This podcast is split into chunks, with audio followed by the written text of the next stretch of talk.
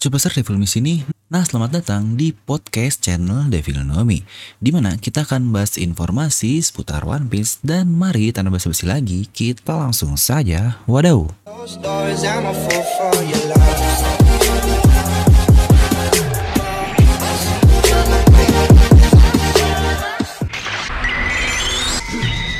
Oke, sekarang saatnya kita langsung saja membahas untuk chapter kali ini. Di mana chapter ini akan berjudul A Certain Someone. Yang dikatakan itu adalah orang tertentu lah yang pasti akan kita bahas juga di video ini kenapa seperti itu.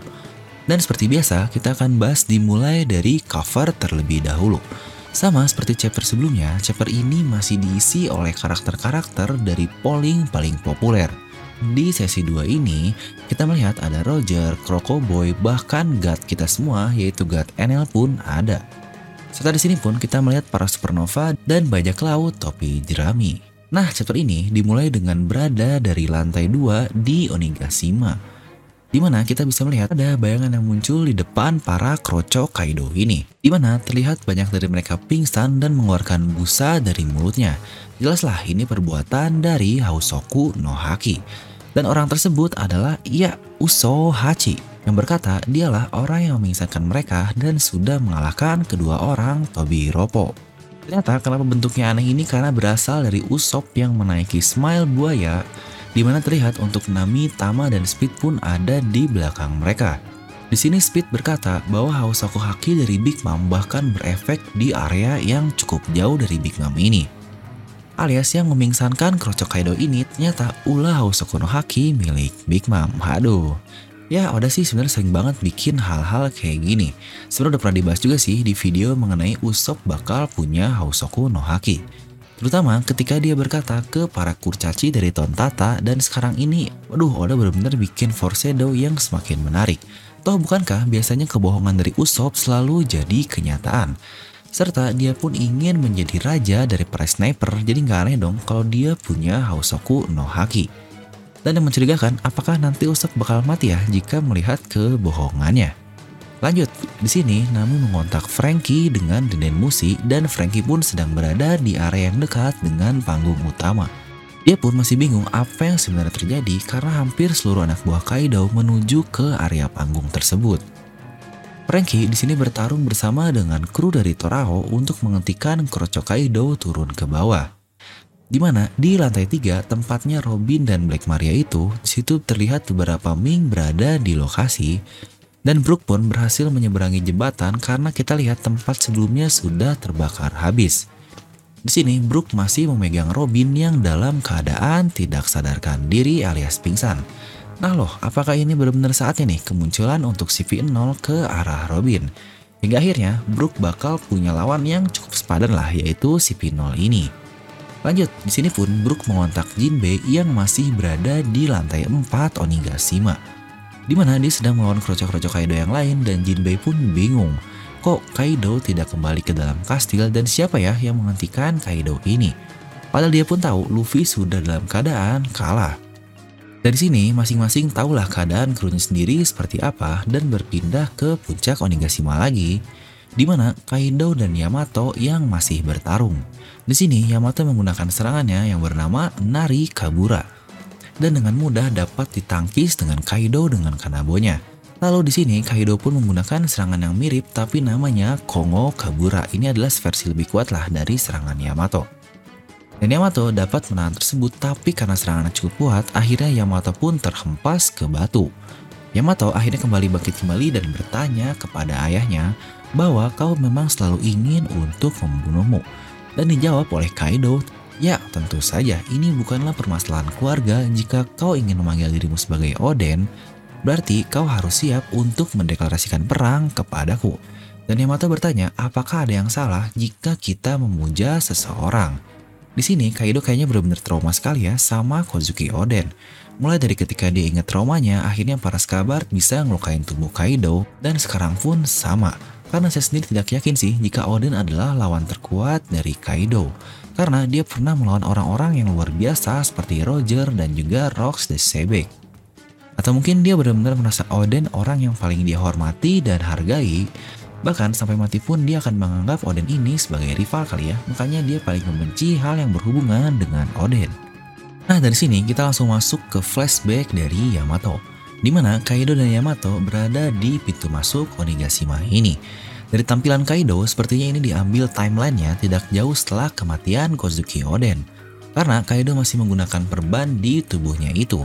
Dan Yamato pun diborgol dengan balok kayu karena terus memanggil dirinya sebagai Kozuki Oden.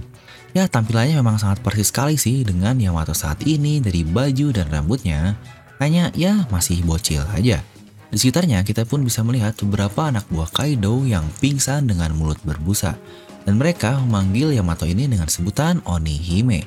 Di sini Kaido pun berkata, Ternyata kau juga punya Hausoko no Haki. Kau punya potensi yang sangat baik, tapi jika kau terus memanggil dirimu Oden, maka kau harus mati Yamato dari situ Kaido membawa Yamato ke gua untuk dipenjara di mana dalamnya terdapat tiga samurai terkuat dari Wano Kuni yang berhasil Kaido tangkap. Nah, di sini akan saya cukup bahas juga karena ini sangat menarik nih. Penggunaan kata-katanya adalah The Great Swordsman atau pendekar pedang yang sangat hebat. Ini mungkin jika kita baca dari bahasa Jepangnya, ini dibaca Dai Kengo. Yang berarti ini benar-benar sebuah title untuk pendekar luar biasa di mana sejauh ini hanya ada dua saja yang disebut sebagai Daikengou ini. Pertama adalah Mihawk dan juga Ryuma, yang bahkan keduanya kita pun tahulah sehebat apa kedua orang ini. Serta di chapter lalu pun akhirnya kita mendapatkan orang ketiga yang disebut sebagai Daikengou ini, yaitu adalah Shimotsuki Ushimaru yang disebut sebagai Daikengou oleh kakek Hyogoro. Jadi sejauh ini cuma ada tiga orang yang disebut Daikengou ini dan sekarang ketiga orang ini disebut yang sama dengan nama tersebut. Yang berarti sebenarnya kemampuan ketiga samurai yang ada di gua ini levelnya benar-benar samurai atau pendekar yang sangat hebat. Nah ngomong-ngomong tentang Daikengou ini atau Greatest Swordsman, Oda secara konsisten membuat itu adalah impian dari Zoro. Yang bahkan berkali-kali Zoro mengulang kata-kata tersebut saat bilang ingin menjadi pendekar pedang terhebat. Jadi sejujurnya kanji itu Daikengou ini sangatlah penting dan Zoro pun belum pantas disebut sebagai Daikengou karena itu masih menjadi impian dari Zoro ini. Oke kita kembali ke review. Kaido berkata kepada samurai bahwa jika kau berkata menyerah, aku akan biarkan keluar dari gua ini dan bergabung dengan kruku. Dan ketika Kaido berkata itu, dia meninggalkan pedang di tanah dan satu porsi makanan saja. Dengan itu sangat memungkinkan jika mereka akan saling membunuh untuk mendapatkan satu makanan itu. Yamato pun meminta Kaido untuk melepasnya dan dijawab, bukankah kau berkata kau adalah Oden? Akhirnya Yamato pun ditinggal sendiri di gua tersebut bersama tiga samurai yang perutnya kelaparan. Dan dia berpikir bahwa dia akan mati. Sini pun Yamato berkata dalam hati, saya adalah Oden, anak dari Kaido dan Kaido adalah orang yang membunuh Oden. Samurai-samurai ini mempunyai dendam terhadap ayah saya dan kemungkinan akan membunuhku juga sebagai pembalasan dendamnya. Dan terlihat satu samurai pun akhirnya berdiri mendekati Yamato sambil berkata, Makanlah karena samurai tidak pernah merasa lapar. Di situ Yamato pun menangis dan berterima kasih dan dia pun berkata, saya tidak akan melupakan makanan ini seumur hidupku. Ketika Yamato selesai, samurai lain pun berdiri dan mengambil pedangnya dengan sisi berwarna hitam. Dia pun dapat dengan mudah memotong borgol dari Yamato. Yamato pun bertanya nama dari samurai tersebut dan samurai tersebut menjawab, Samurai yang telah kalah tidak mempunyai nama. Panggil saja Nani Gashi atau yang jadi judul chapter ini alias a certain someone atau orang tertentu lah. Dan ketika samurai tersebut berkata, kita pun bisa melihatnya dengan jelas bahwa samurai ini sangat mirip sekali dengan Babang Zoro tapi beberapa tahun lebih tua lah. Dia pun menggunakan bandana di kepalanya dan ke mata kirinya, persis seperti zombie dari Ryuma lah. Dan di chapter ini pun nama dari ketiga samurai memang tidak dijelaskan, tapi wujudnya kita diberitahu. Dan untuk yang satu ini sepertinya kemungkinan besar dia adalah Shimotsuki Ushimaru, daimyo dari Ringo. Atau bukankah sangat berhubungan sekali di chapter lalu pun kita baru diberitahu tentang Shimotsuki Ushimaru ini. Dan ketiga samurai yang lain pun berkata bahwa mereka juga menyukai Oden. Di sini Yamato menunjukkan jurnal dari Oden ke para samurai dan mereka pun sangat kaget yang akhirnya kita bisa melihat kedua samurai yang lain. Yang pertama, mempunyai muka yang cukup panjang dengan alis tebal, dialah yang memberikan makan ke Yamato ini. Yang satu lagi mempunyai muka berbentuk segitiga lah cukup aneh dengan tali terikat di kepalanya. Ini benar-benar mirip dengan aktor dari Kabuki di Jepang lah. Di situ pun Yamato berkata dia tidak bisa membaca apa yang tertulis. Bisakah kau ajari aku bagaimana cara membacanya? Dan selama beberapa hari, Yamato semakin dekat dengan mereka ini sambil mereka pun mengajari cara membaca ke Yamato. Dan Yamato pun yang sangat kaget dan tertarik dengan isi jurnalnya tapi di hari ke-10, Yamato semakin lemah dan hampir mati karena tidak mendapatkan suplai apa-apa. Di mana samurai yang lain berkata, jika Kaido ingin kau untuk mati, maka kau tidak akan bisa hidup cukup lama untuk melihat pertarungan yang Oden prediksikan dalam waktu 20 tahun. Dan dijawab oleh Yamato, jika saya masih hidup sampai hari itu, saya akan bertarung untuk Wano Kuni. Dan Osimaru berkata, maka kita akan bantumu agar bisa hidup sampai pertarungan itu karena 20 tahun untuk kami itu waktu yang cukup lama. Dan akhirnya terlihat Osimaru ini mempunyai kedua pedangnya dan kita pun melihat ada tato dengan pedang bersilang di punggung miliknya itu. Ya miriplah dengan logo dari Shimotsuki yang digunakan oleh guru dari Zoro ini di dojonya atau Koshiro lah. Dan akhirnya ketiga samurai tersebut menghancurkan batu gua dan pergi untuk melawan Kaido. Oke, dengan ini selain Yamato, ada tiga samurai lain juga yang mengetahui isi jurnal luar biasa milik Kozuki Oden yang pasti dia pun mempelajari sejarah tentang dunia ini. Dan salah satunya adalah Usimaru yang kemungkinan besar kerabat atau bahkan ayah dari Zoro. Dia tahu semuanya juga berarti. Apakah dia benar-benar akan diakhiri perannya di sini? Entah menurut saya, kita bahkan tidak tahu kedua nama samurai lainnya yang seakan-akan sangat misterius. Apakah Oda bakal mengakhiri peran mereka yang bahkan tidak disebutkan namanya itu? Karena di feeling saya, setidaknya Usimaru sajalah yang bakal atau masih ada di serial ini. Dan kembali ke present time, Yamato pun berkata, katakan kepadaku kenapa kau mengambil kebebasanku dan kenapa kau mengambil kebebasan negeri ini.